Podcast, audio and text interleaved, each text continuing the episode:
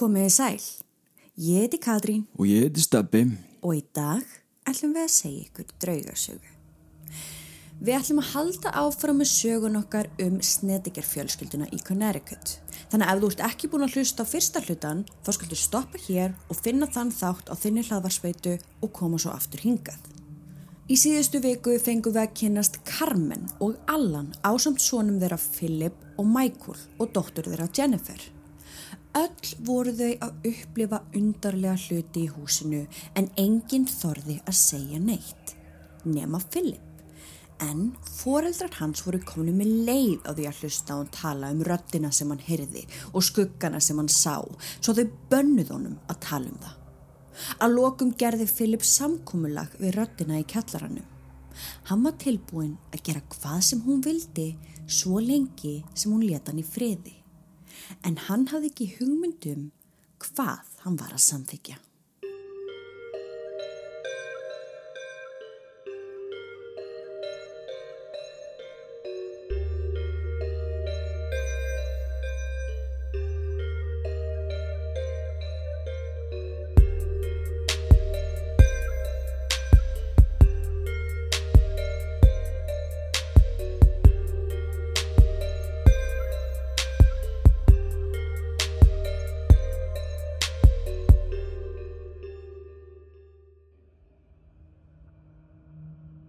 Næstu mánuðir voru rólegir hjá Snedigar fjölskyldinni en Carmen og Allan voru samt byrjuð að taka eftir því að Philip hafði breyst. Hann var eitthvað ólíkur sjálfum sér en breytingarna voru samt meira bara eitthvað sem foreldrar hans tóku eftir en Ok. voru ekkit endilega að ræða neitt. Lífi held áfram sinn vanagang. Þau fóru í kirkja á sunnudögum, krakkandi mætti í skólan á virkum dögum og Carmen fór með Philip á spítalan alla daga. Þangu til einn daginn fengu þau góðar fréttir. Krabba minni hjá Philip var horfið. Eða það var kannski ekki alveg horfið en það var búið að minka um 90%. Læknaði tóku samt strax fram að hann var ekki læknaður. Þetta þýtti einfallega að meðferðin var að virka og því mætti ekki stoppa núna. Læknandi sögðu líka að það veri mikla líkur á því að þetta kæmi aftur svo þrátt fyrir þessa góðu fréttir þá þurftu samt allir að halda fókus og halda plani. Þegar kom að draugagangi húsinu þá virtist allt vera rólegra nú en áður. Nú, Philip var hættur að segja foreldur sínum frá röddum sem hún var að heyra og Jennifer virtist ekki vera vör við neitt sem betur fer. En Carmen sjálf var ennþá að sjá hluti sem hún gat ekki útskýrt með eðlilegum hætti og því eins og áður þá hjælt hún því fyrir sjálfan sig. Þetta gerðist oftast þegar hún var ein í húsinu. Þá fannst henn hún sjá einhvern labba á milli herbergja, einhver grár skuggi sem hreyfðist hratt. Hún fann líka reglulega fyrir því að hitastíð í húsinu breytist mjög snögglega og hún fann þá ískall loft fara fram hjá sér eins og einhver hefði opnað gluggan í óveðri. wow, Hún hafði líka tvisa sinnum verið vakin að nóttu til við það að rúmið hristist. En í hvert sinn sem hún leit á Allan þá svaf hann rólega eins og hann fyndi ekki fyrir neinu. Í bæðiskiptin stóð hún upp úr rúminu, fór inn í eldús og fekk sér vasklas og þegar hún snýri tilbaka í rúmið þá var hristingurinn hættur. býtu kom þetta ekki líka fyrir Allan? Jú, Nefn að konan tók ekki eftir í þá. já, Vá, hún fyrir bæða upplifin. já, En eftir nokkra mánuði þá gat Carmen ekki hunsa þessa breytingar á hegðun Phillips lengur. Hann hafði nefnilega alltaf þrátt fyrir veikindin fundist gaman að fara í skólan og hitta vini sína. En núna var hann byrjaður að loka sig af og þó aðalega niður í kjallara. staðin sem hann hrættist mest. Þegar hún leit á drengin sinn þá sá hún klárlega að krabbaminsmeðferðin var að taka sinn toll á hann líkamlega. En það var eitthvað annað. Eitthvað sem hún gati ekki almennilega átta sig á. En hún átti fljótlega eftir að komast að því. Kvöld eitt þegar Allan var í vinnuferð og Carmen var ein með börnin ákvað hún að reyna að tala við Philip. Reyna að komast að því hvort að eitthvað hafði gerst eða hvort að væri eitthvað að ángrann. Einmitt. Hún gengur niður í kjallara og sér Philip liggja í rúminu sínu með heyrnatól á eironum. Hann var alltaf með þessi heyrnatól en Carmen reyndi eins og hún gat að láta það ekki fara í taugarnar á sér. Eflaust var það bara eðlilegt strákur þessum aldrei að vilja hlusta tónlist allan Jú, jú, daginn. emitt. Hún sest á rúmi við hlið Phillips sem þykist ekki sjá hana. Hún gefur hann svo merki um að taka af sér heyrnatólinn sem hann gerir með miklum trega. Hún byrjar að segja honum að hún hafi áhyggjur af honum. Henni finnst leiðilegt að sjá hann loka sig af frá heiminum í kjallarunum og reyndi að fiska eftir í hvort að eitthvað hafi komið upp á. Eftir að hún hafði lokið sér af, horfður hún á Philip og býður eftir svari. Fatt þetta hann. Þetta er bara típist börn, þannig að þú veist, ég skil Já. alveg einmitt eins og þú segir, ég skil alveg, þetta er svo eðlilegt, við höfum átt svona samræði við okkar börn. Já, já, það er er ekkert eitthvað fyrsta sem þú hugsar eitthvað, það lítur, Að vera draugur þarna inn í Nei, hotninu. þú ert meira bara, býtu hvað er í gangi, þú veist, talaðu við mig og einmitt, Fóreldrið í okkur. einmitt og eins og hún segir, bara, hún bara fer og segir allt og barnið er bara þögult. Mhm. -hmm. Nema hvað, að Philip brosir skyndilega, svona út í annað og segir við hana, mér er skýt sama hvað þér finnst. Síðan sett hann hirnatólinn á sig aftur. Wow. Undir venjulegum kringumstæðum hefði Carmen eflust tekið í strákin það var bara þessi tími. En eða það var allavega sko það sem hún held að hún myndi gera ef eitthvað að börnunum hennar myndi tala svona við sig. Já. en núna þegar það var að gerast þá satt hún bara orðlaus. Hann hafði aldrei sagt neitt þessu líkt við hana áður og þetta var alls ekki svari sem hún bjóst við Hún tók djúftin andan og spurði Philip af hverju hann væri að tala svona við sig. En Philip sagði ekki meira þetta kvöld og Carmen gafst upp. Hún gekk upp kjallaratröpunar og lokaði eftir sér. Allan kom heim nokkrum dögum setna. Húnum hafði liðið vel í vinnunni senustu viku en um leið og hann kom heim fann hann hvernig hann var þingri og hvernig skapið hans breyttist. Um leið og hann gekk inn á heimilið fór hann inn í ískáp og opnaði sér ískaldan bjór. Carmen kom til hans og fór að ræða við hann breytingar á hegðun Philips en Allan var ekki í stuði til að tala um það núna. Hann var að koma heim. Hann vildi bara setjast fyrir fram að sjónvarpið, drekka sig fullan og fara að sofa. Ugh. Carmen gafst loksins upp að reyna að tala við hann og þá fór hann inn í ískap, náði sér í annan bjór og færði sig í sófan. Í eitt sekundu brot fann hann fyrir samvinskupiti og hann hugsaði með sér hvort að hann væri nokkuð byrjaður að drekka of mikið og hvort að Philip hefði mögulega haft rétt fyrir sér allan tíman. Ok. Hvort að mögulega það væri eitthvað að húsinu. Hann horfði á bjórin og hugsaði með sér hvort hann ætti að skil honum. Fari í kalda styrtu, klæða sig í reyn föt og spjalla við konuna sína sem hann var ekki búin að sjá í viku. Akkurat. En það var önnuröttin í honum sem sagði honum að eina ástæðan fyrir því að hann væri að drekka væri út af öllum skuggunum sem hann var að sjá og röddunum sem hann var að heyra. Þessi sama rödd varðan við því að vera edru. Hann myndi líklegast missa vitið ef hann myndi hætta að drekka. Þegar hann var fullur var auðveldra að horfa fram hjá öllu því sem hann var að sjá og heyra. Svo hann tók stóran sopa af bjórnum, tegði sig í fjastringuna og hækkaði sjómarpið. Carmen satt ein eftir í eldúsinu og horfði á mannin sinn með áhyggjusvip. Lindarmálin á milli fjölskyldumöðlima var orðið eins og illkynja ægsli á heimilinu. Carmen þorði ekki með nokkru móti að segja allan frá því að í hvert sinn sem hún var einn heima þá heyrði hún í einhverjum hlæja inn í eldúsi og Allan var ekki tilbúin að viðurkenna fyrir neinum að hann heyrði fótatak elda sig þegar hann gekk á milli herberga í húsinu þegar enginn var heima. Og Philip, hann talaði ekki við neitt nema hann virkilega þurfti þess. Hann fór í skólan og kom svo heim og lokaði sig nýri kjallara.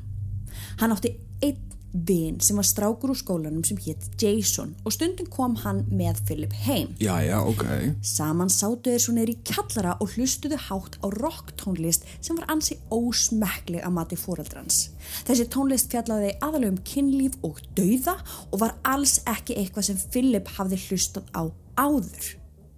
Philip var hættur að leika sér við Michael bróðu sinn, aðalega vegna þess að Michael vildi gera hluti eins og venjulegu strákur. Hann vildi leika sér út í góðaverinu, var í fótbolta, búið til virki. En Philip hafði engan áhuga á slíku. Móður hans gati ekki orða bundist og reyndi eins og hún gat að tala við Philip og fá hann til þess að hætta þessari vittlisu, hætta að loka sig af, hætta að hlusta á þessu ógeðföldu tónlist. En við veitum hvernig börn eru og Philip hann þóttist einfallega ekki heyra í henni. En þegar að móður hans gekk of langt þá öskrað hann á hana og sagði henni að koma sér burt og láta sig vera. Hún er samt eiginlega bara að fá sko sama viðmót og þau bæði síndi húnum í byrjun. Það er nefnilega máli og það kemur hérna alveg setna í sögunni sko. Eins og við komum inn á áðan þá virtist Allan hafa takmarkaðan áhuga eða getu til þess að skipta sér af því sem var að gerast á heimilinu. En einn daginn þá var hann um nóg bóðið. Philip kemur heim í nýjum leðurjakka og á bakin á jakkanum er kross sem snýr á kvolfi. Nei. Jú, Snediker fjölskyldan var heitt trúið kathólsk fjölskylda og Allan vissi strax hvað þessi kross þýtti og hann var ekki ánæður. Hann rýfur í Philip og spyr hann af hverju hann væri í þessum jakka. En í staðin fyrir að útskýra málsitt eða reyna að koma sér út úr þessum vandræðum þá brosir Philip beint fram hann í pappa sinn og segir við hann að honum finnist jakkin flottur og að hann geti ekki neittan úr honum. Philip hafði aldrei staðið upp á móti pappa sínum áður en nú þegar það gerðist líkt og gerðist eiginlega við mömmuna nokkrum dögum fyrr Já. þá vissi Allan ekki hvað hann átt að gera Bara orðlaus. Eftir að hafa starað á þetta illkvittnislega bros svona síns í smá tíma þá segir hann Philip að hefja sig niður í herbergi. Carmen, hún var hann líka og hún setur stjörfi mataborðið og þorði varla að anda.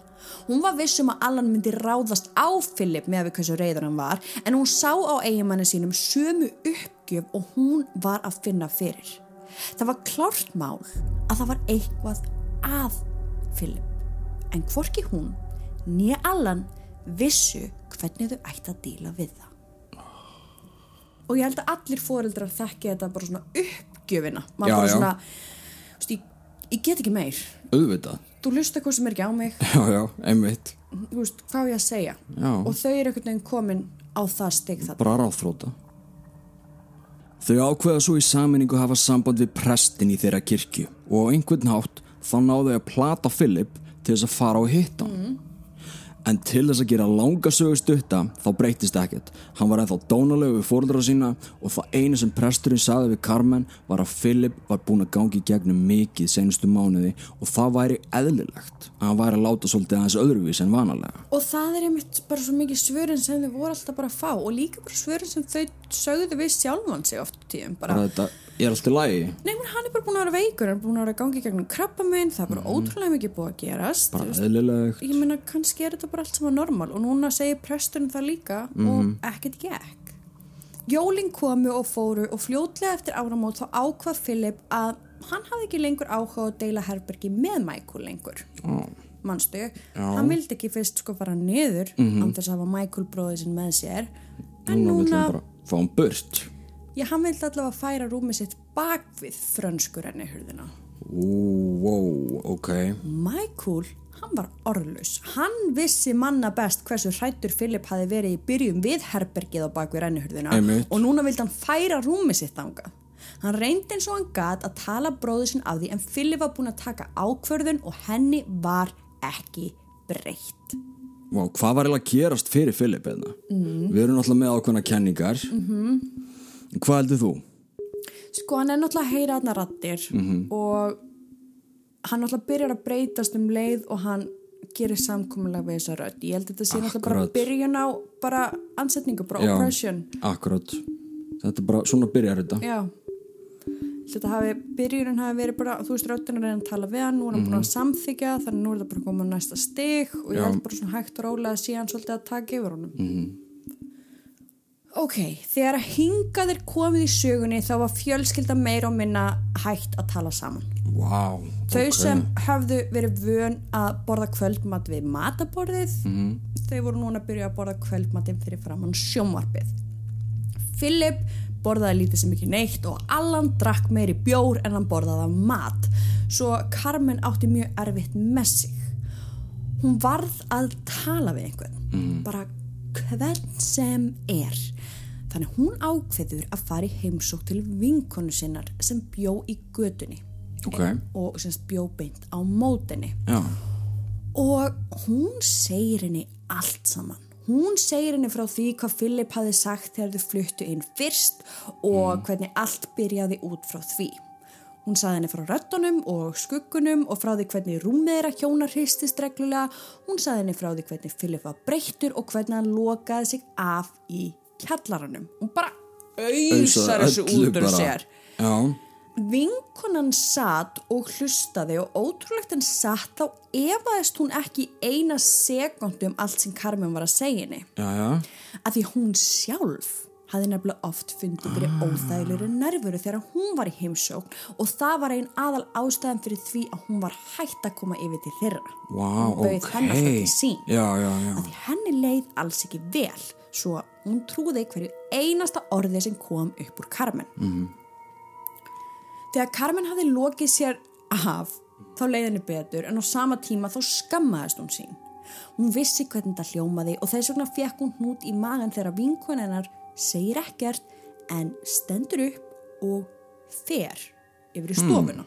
Bara skilur hann eftir Ok, Þannig að Carmen situr ein eftir og vissi ekkert hvað hún átt að segja eða gera, hvort hún ætti að fara, hvort hún Mhm. Ætti algjörlega bara gengið Mjög frá vinkonu sinni. En það er kjarna í sögunni sem vinkonennar kynnir Carmen fyrir Ed og Lorraine Warren. já Hún sem sagt hafði séð, þau eru náttúrulega í Connecticut Já, og Ed og Lorraine Warren eru frá Connecticut Mhm.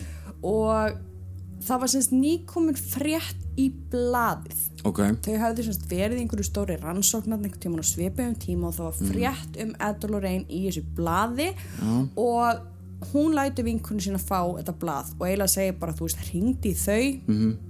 ég veit eiginlega ekki hvað ég á að segja mér bara hringdi í þau og þau ætti að geta hjálpa þér. Þau er ekkert svo langt í burtu frá okkur Akkurat Og nú ættu flestir hlustendur okkar að þekka Ed og Lorraine Warren mjög vel. Þau náttúrulega örðu bara heimsfræg út frá Conjuring heiminum og öllum kvikmyndunum. En þau eru bara ein reynslu mestu paranormal investigators og demonologists í heiminum. Við hefum tekið hérna viðtal við tengdasónu þeirra Já. sem á núna Annabelle dúkuna Alveg rétt. Þannig að þetta er flott fólk og, og aðal fólki á þessum tíma til þess að hafa samband við. En ég menn þau tóku líka bara þessi mjög stór mál þannig ég veit að Carmen svona hún tekur greinina og svona ok, ég hef hana hjá mér. Já, já, en þegar hún snýr heim þá sér hún Allan sitja stjarfan við eldursporðið hún felur blaðið sem hún fekk frá vinkonu sinni undir kápunni og sest við hlið hans.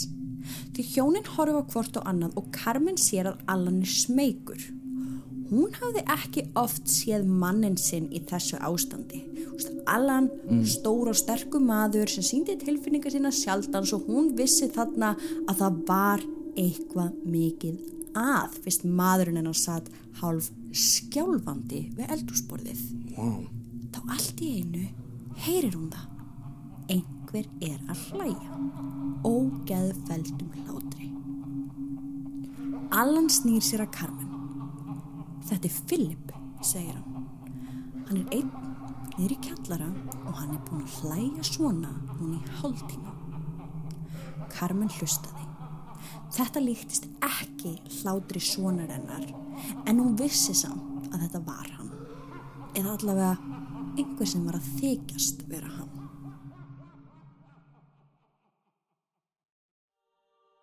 Mikael Darri veikist í kringum 8 mánuða aldur og greinist síðan í framaldi með alvarlegt AML kvítblæði á samt æxli við heila, mænu og andlit rétt fyrir einsás amalið sitt. En baráttunni er hvergi lokið þar sem Mikael Darri er búin að vera í geislum og svæfingu á hverjum degi í desember og janúar vegna illkynja krabbamenns og nú er sýstir hans sunna líf komin í rannsóknir vegna hnúðs sem fannst í skeifugörninni og mikil veikindi síðustu vikur. Óvissan er því mikil með bæði börnin. Saman getum við hjálpa þeim svo mikið. Reikningsnúmerið er 536 höfubók 26 8389 Kennitalan er 1303 84 83 89. Hjálpum Mikael Dara og fjölskyldu hans í þessu erfiða verkefni.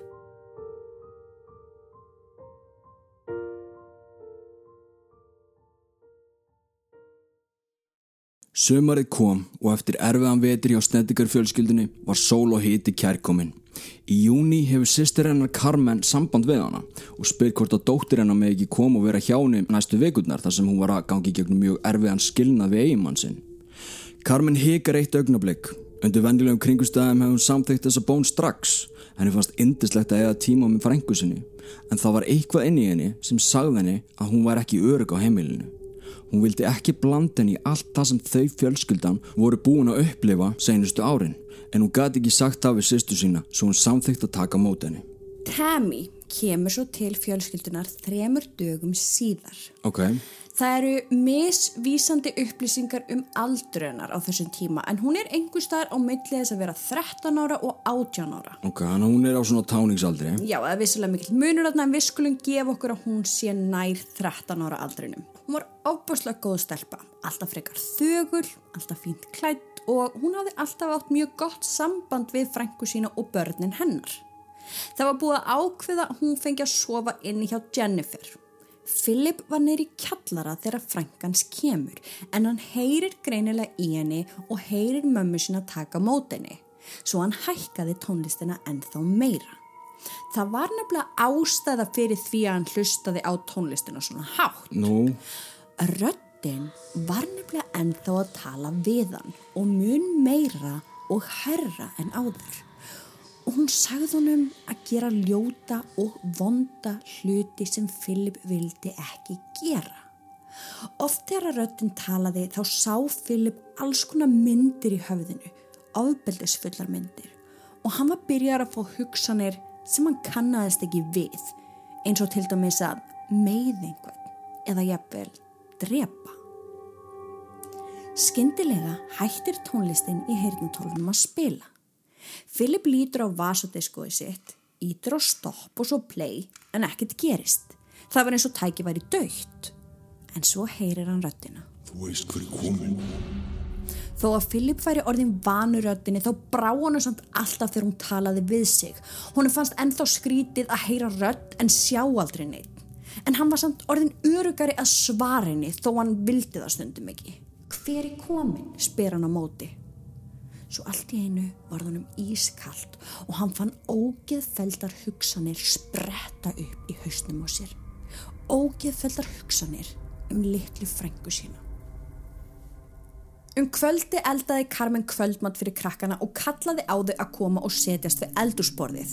Þau höfðu ekki gert það í lengri tíma en núna fyrst að Tammy var með þeim þá langaði hana allavega að þykjast að þau væru ennþá eðlileg já, fjölskylda. algjörlega. En þegar hún settist svo sjálf þá tekur hún eftir því að Philip hafði ekki komið upp.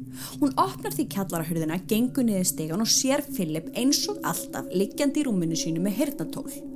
Hann var einungis klættur í skítugar stuttbuksur og hún sá að hann var búin að króta eitthvað á bringun á sér. Einhvers konar stjörnu. Nei, Jú, Ó, þetta er alveg bara öll merki um ansetningu komin hérna. þetta er náttúrulega bara, Bara pentagram. þetta er bara pentagram, þetta er tákt djöfulsins.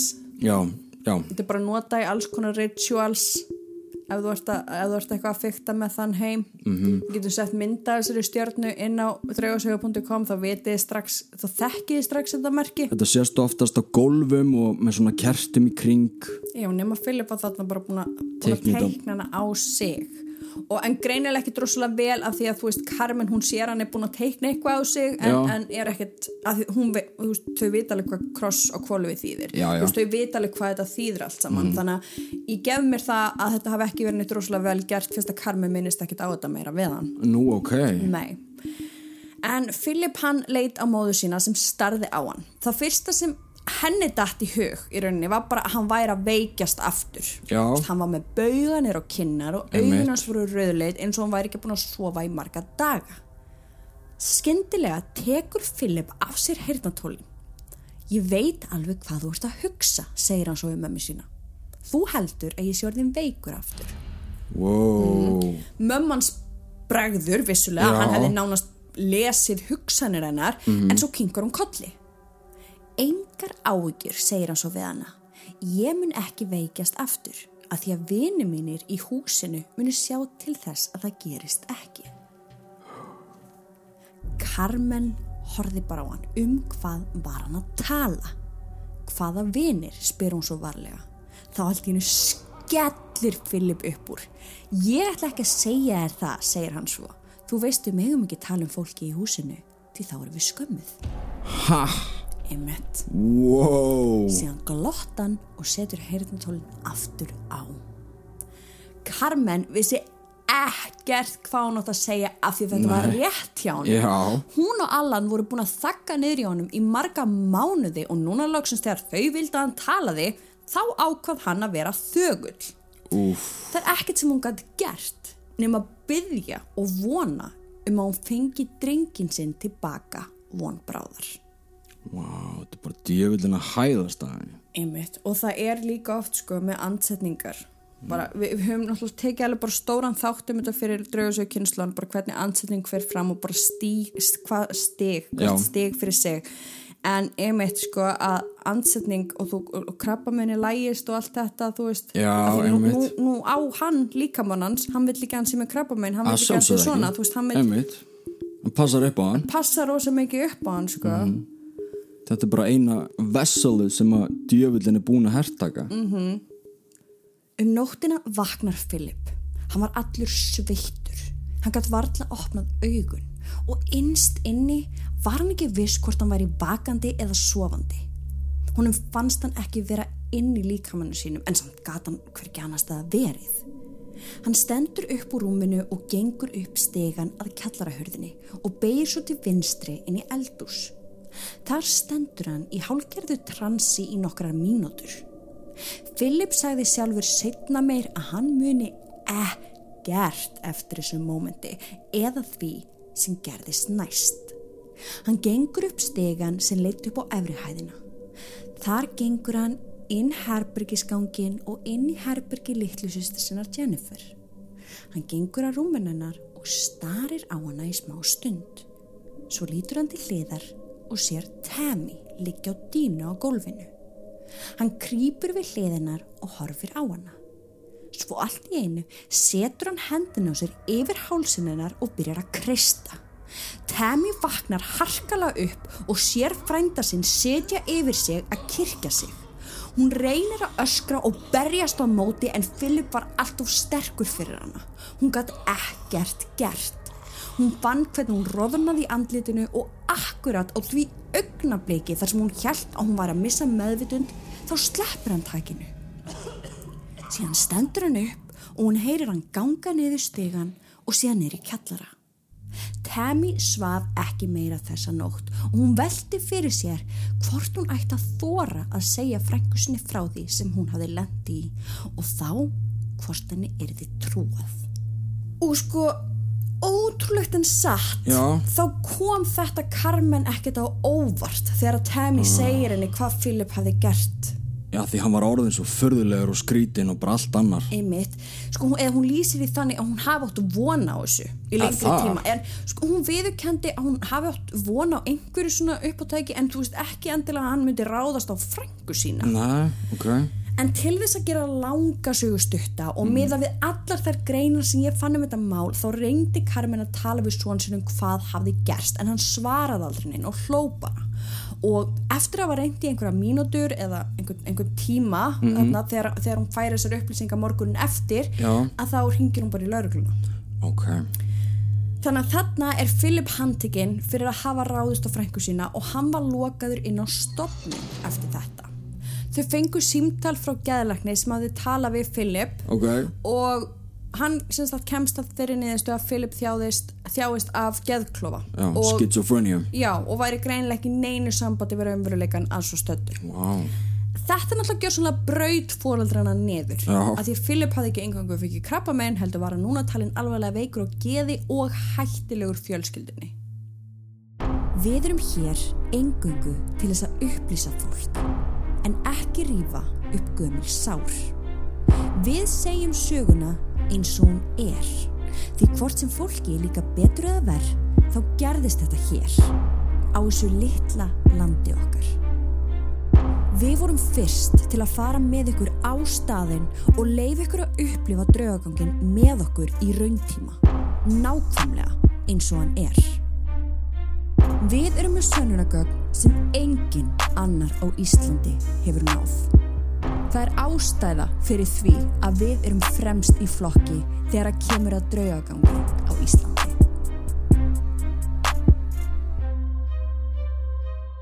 Skoðuðu áskriftarleiðirnar inn á patreon.com skástrygg draugasögur.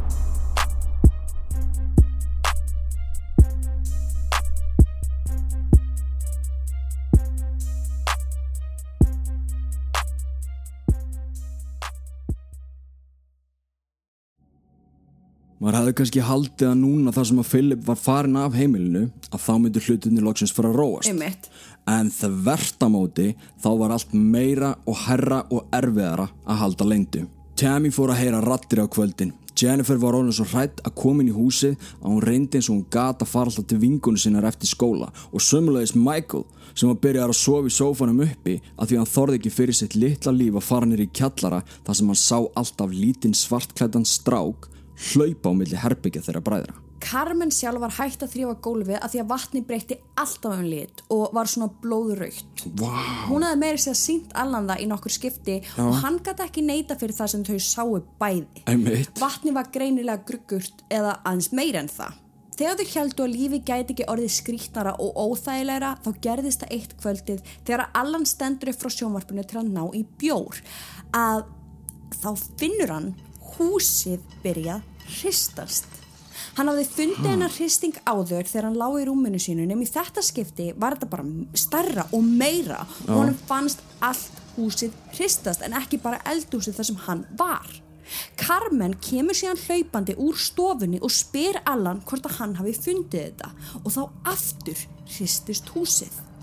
Carmen grýpur í borðið til þess að missa ekki jafnvægið og svo endanum eru allir fjölskyldumæðlumir komnir saman inn í eldús og þá hristist húsið í þriðja sinn. Þau standa síðan öll kyrr og býða hvort að hristingurinn kæmi aftur. Úst, var þetta jarðskjált? Já, það er það sem ég hugsaði. Þá ringir síminn og Carmen tekur upp tólið. Þetta var vinkonennar á hinnulínunni, hann er konan sem Já. mótið þeim. Akkurát. Er allt í lægi hérna hinum einn, spyr hún Carmen en Carmen, hún svarar engu. Hún bara heldur á tólinu er bara svolítið að reyna átt að sjá hvað hefur gerst. Já. það næsta sem vinkonana segir átt eftir að hrella Carmen næstu ára taugina ekki fríka út segir vinkonan en ég er úti glugga að horfa húsið þitt og ég sé að á efri hæðinni hjá þér er kona að labba fram og tilbaka kona sem ég hef aldrei séð áður. Er einhver í heimsókn hjá þér sem ég veit ekki af? Carmen leitin í eldús, allir fjölskyldumælimir voru þar eins og hún hjælt. En hver var þá uppi? Mikil reyði hellist þarna yfir hana, hún var búin að fá nóg. Hún hendi frá sér símtólinu og hleypur upp stegan. Svo byrjar hún að leita í öllum herbergjum, hún tekur upp sængur, ítir borðum á hlið, rýfur allt út úr skápum.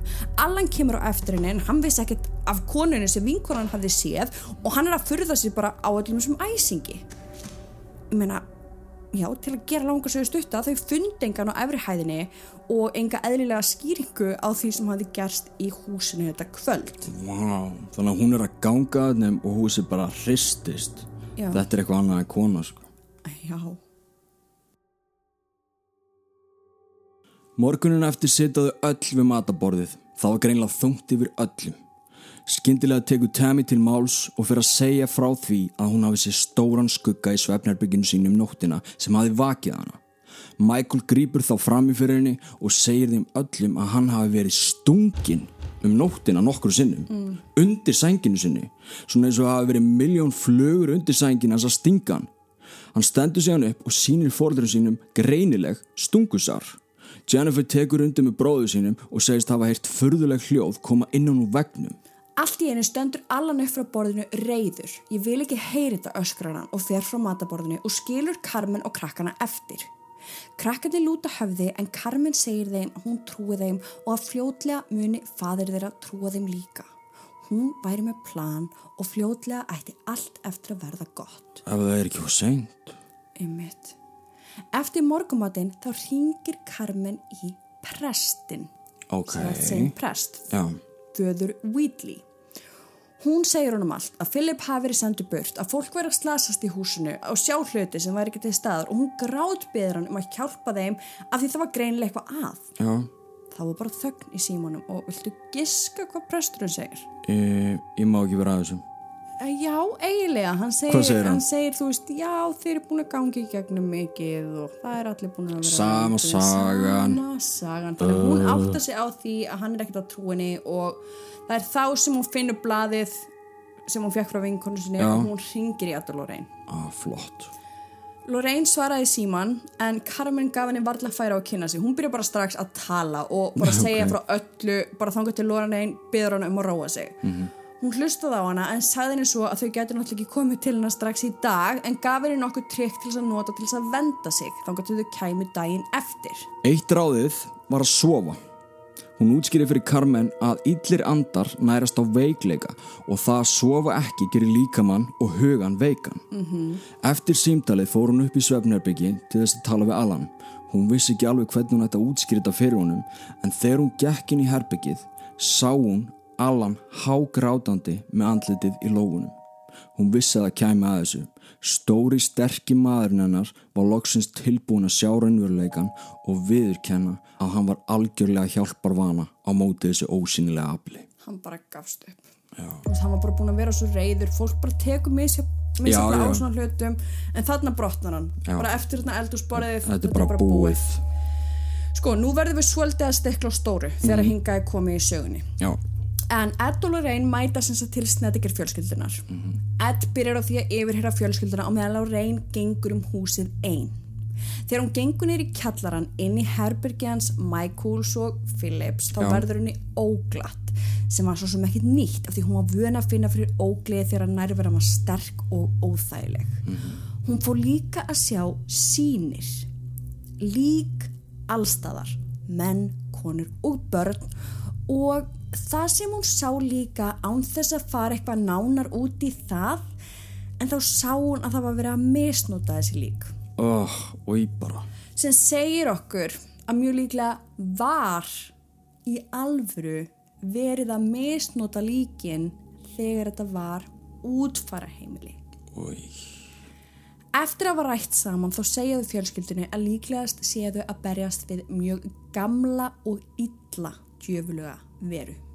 Eftir að var rætt í fjölskylduna í lengri tíma, eins og ég segi, við erum Já. að stikla á stóri hérna, þá er ákveðið að Ed og Lorraine fái sína rannsakjendur til þess að koma og búa með fjölskyldunum tíma til þess að verða vitni og taka upp allt sem gerist á heimilinu. og þetta er ákveðinu bara verkferðlar hjá þeim það er allt bara frá því að Ed er að yfirheyra Lorraine er að lappa um húsið þessi rannsækandi sem þau eru að senda á þessa staði þetta er allt bara til þess að dokumenta að því þau vita að ef þau þurfa á særingu að halda þá þurfa það að vera með allt á hreinu. Þau þurfa að vera með upptökur, hljóðupptökur þau þurfa að færa sannanir fyrir Vatikaninu til þess að særing getur farið fram.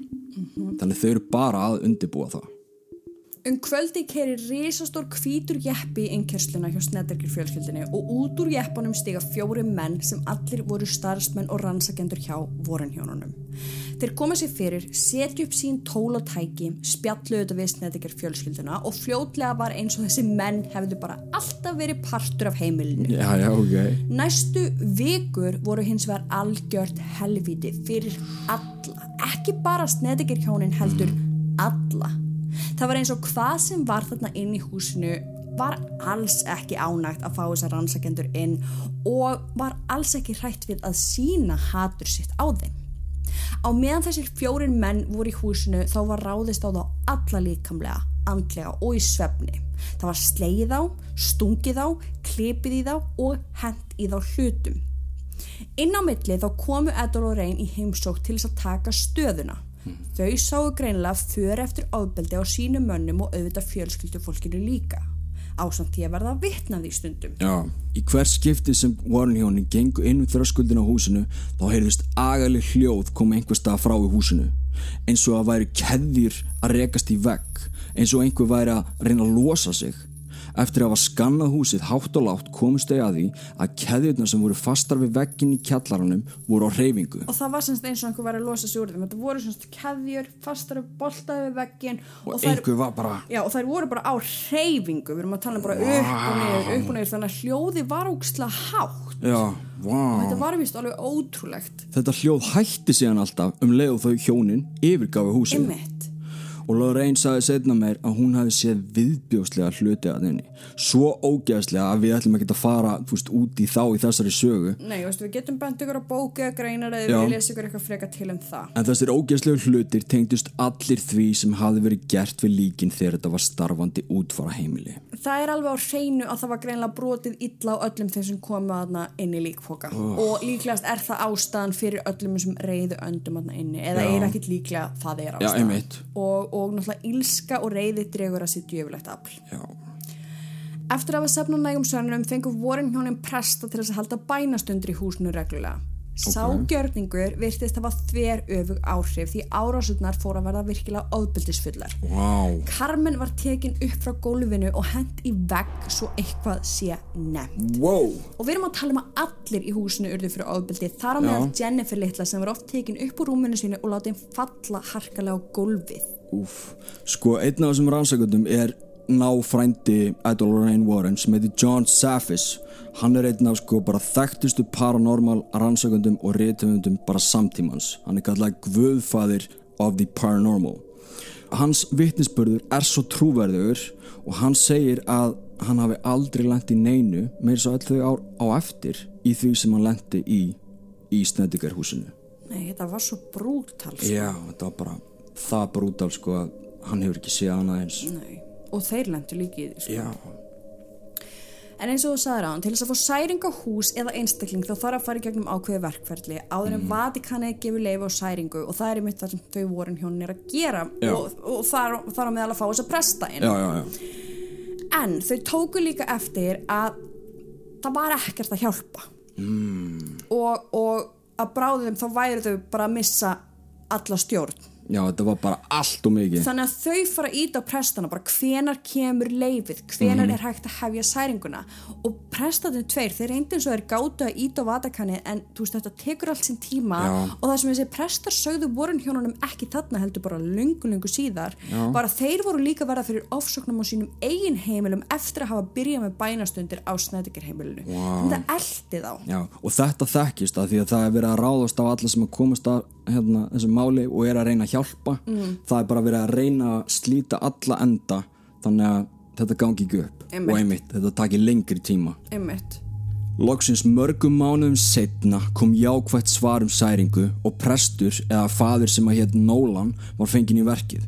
Hann var þrælvanur særingamæður, stór og mikill með breiðar axlir og tæpi 2 metrar á hæð. Áður en hann fór í þetta verkefni hins vegar þurfti hann að undirbúa sig í viku.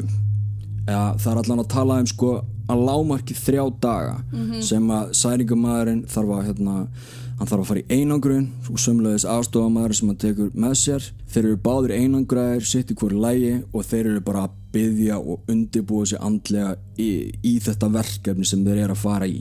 Þeir geta aldrei farið bara beint úr Vatikaninu hoppað í flugvel og farið inn í húsið. Og svo hann alltaf að fasta alltaf. Þeir þurfa að fasta akkurat og á sama tíma þá eru bara sko, margar sóknir vísvegar um heiminn sem er að byggja fyrir þeim á nákvæmlega sama tíma og þeir eru að byggja þannig að þetta er svona keðjiverkun sem að bara tegi sig út um allan heim þannig að bara, já, orkan og aflið eigi að vera sem mest. Og hann vissi hversu mikilvægt það var fyrir hann að vera undirbúin bæði andli og líkamlega. Þessi maður, hann var sko, hann var fyrfirandi hérna Navy Seals. Wow, wow, já, ok. þetta var bara, þetta var gaur þetta var maður, sko, Ok. hann var tilbúin í þetta verkefni. Og eins og hann segir, hann var bara á leiðin í stríð. Einmitt, hann vissi það bara. Já, Hann byrjaði hægt og rólega með því að lesa bænir inn í húsinu, svipa eins og þegar íþróttamæður bara byrjar á því að hita upp áður en að fer uh, í keppni Akkúrat. eða fyrir virkilega að taka á. Já, og fadir Nólan hann vissi að um leið og særingin myndi byrja þá væri ekki hægt að snúa tilbaka. Mhm. sama hversu mikið hann myndi kannski vilja það veist, um leið og hann byrjar, hann fer ekki tilbaka. Tammy, Michael og Jennifer voru fjarlægð úr húsinu þannig að viðstöð voru Carmen Allan, Warren hjónin og rannsakendurnir hérna tveir Chris og John Sefis, já Já. Það var fallegt vorkvöld og heitt úti en inn í húsinu var vetur við frostmarkjafvel. Þegar fadir Nólan var búinn að ganga um allt húsið átti hann sér strax á því að hann var að fara á móti einhverju gömlu og illu sem var búið að koma sér vel fyrir þarna inn á heimilinu. Fyrst sagði fadir Nólan að hann vildi byrja á því að byggja og Ok. bara hreinsa þau öll og húsið á sama tíma og allir samþyktu það og á meðan Nólan er að fara með þessa litlu særingabæn þá byrja sko andarnir að djöflarnir strax að finna fyrir því og berjast á móti þó að enginn sé að taka eftir því Akkurat. Carmen fór samt að finna fyrir því að einhver var að klípi hana og pota og þá aðal í augun Ó. svo endanum þurfti hún að loka þeim til þess að verja þau Allan byrjaði að heyra rattir sem sögðu honum að stoppa þessa aðtöfn að þetta hefði ekkert upp á sig að hann var í kallmaðurinn í húsinu og þetta bænabull væri ekki að fara að skila neinum árangri. Þetta er bara dæmigerð taktik hjá djöflinum að reyna að komast inn í hugarheim hvers og eins að nynni til þess að koma í veg fyrir þetta. og Ed byrjaði að finna fyrir verk vinstramein í bringunni svipaðan verk eins og þegar hann fekk hjartáfall nokkrum árum áður. Og Lorraine hún sá kvílt blikkandi ljós allstaðar og inn á milli svona ógeðslega sín Fljótlega eftir að sæningin hófst tók Ed eftir því að presturinn var ekki að fara alveg eftir bókinni. Sko, ritualið sem fadir Nolan var að fara með heiti Ritual Romanus eða Roman Exorcism Ritual. -hmm. og í þau 42 ár sem Ed hafði verið í þessum bransa þá hafði hann aldrei vita til þess að þessi særingabæn væri notuð á hús. Mm. Þess að þessi Bíddu. bæn sem hann var að fara með Já. er notuð á fólk. En hann var að taka þetta á húsið. Já, sem sagði samt í rauninni Ed að því Ed vissi alveg að fadir Nolan var með þeim færari. Já. þannig að hann átta sig þarna á bara vá, við erum að berjast við eitthvað miklu, miklu starra heldur en ég gerði með nokkuð tíma grein fyrir. Ok, vá. í rauninni bara svona viðurkenna svolítið bara, ég vissi greinilega ekki hvað við vorum komin út í hérna. Ég skil, vá. S svona aðtöfn tekur náttúrulega mjög langan tíma. Mjög, mjög langan tíma og, og sko, þarna er faði Nólan hann er búin að vera í fjóra klukkustundir og þá skyndilega byrjuði að heyrast rattir allstaðar í húsinu, ógísli lykt fyllti bara herbergin eins og eitthvað var að rotna. Rattirnar eru hávarari, fleiri skuggar fór að byrtast, kom út úr veggjum. Ég get ekki, við getum ekki farið í nákvæmlega hvað gerðist í þessum þætti. En þú veist, þið hafið séð Einhverja særingamyndir. einhverja særingamyndir mjög líklega þannig var þetta. Og þarna hann er, hann er orðin sko hann er orðin kósveittur þetta er er að taka svo mikið á hann. Uh, Ed er, er næstu því að fá hjartaáfall. Þannig að Vá. þetta er næstu hérna setna hjartaáfalli sem hann Já. fær sem betur fyrir gerist það ekki. En svo skyndilega nokkurum klukkutími setna það var allt hljótt og húsi var bjartara. Þannig að særingin hafi virkað. Virkað.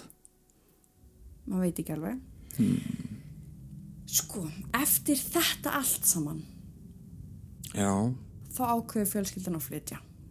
Ok. Skil það. já, Philip var komin heim á spítalunum Já, en hann neitaði að fara aftur inn í húsið. Svo hann fekk að vera hjá ömmu sinni á meðan fjölskyldan pakkaði saman ok.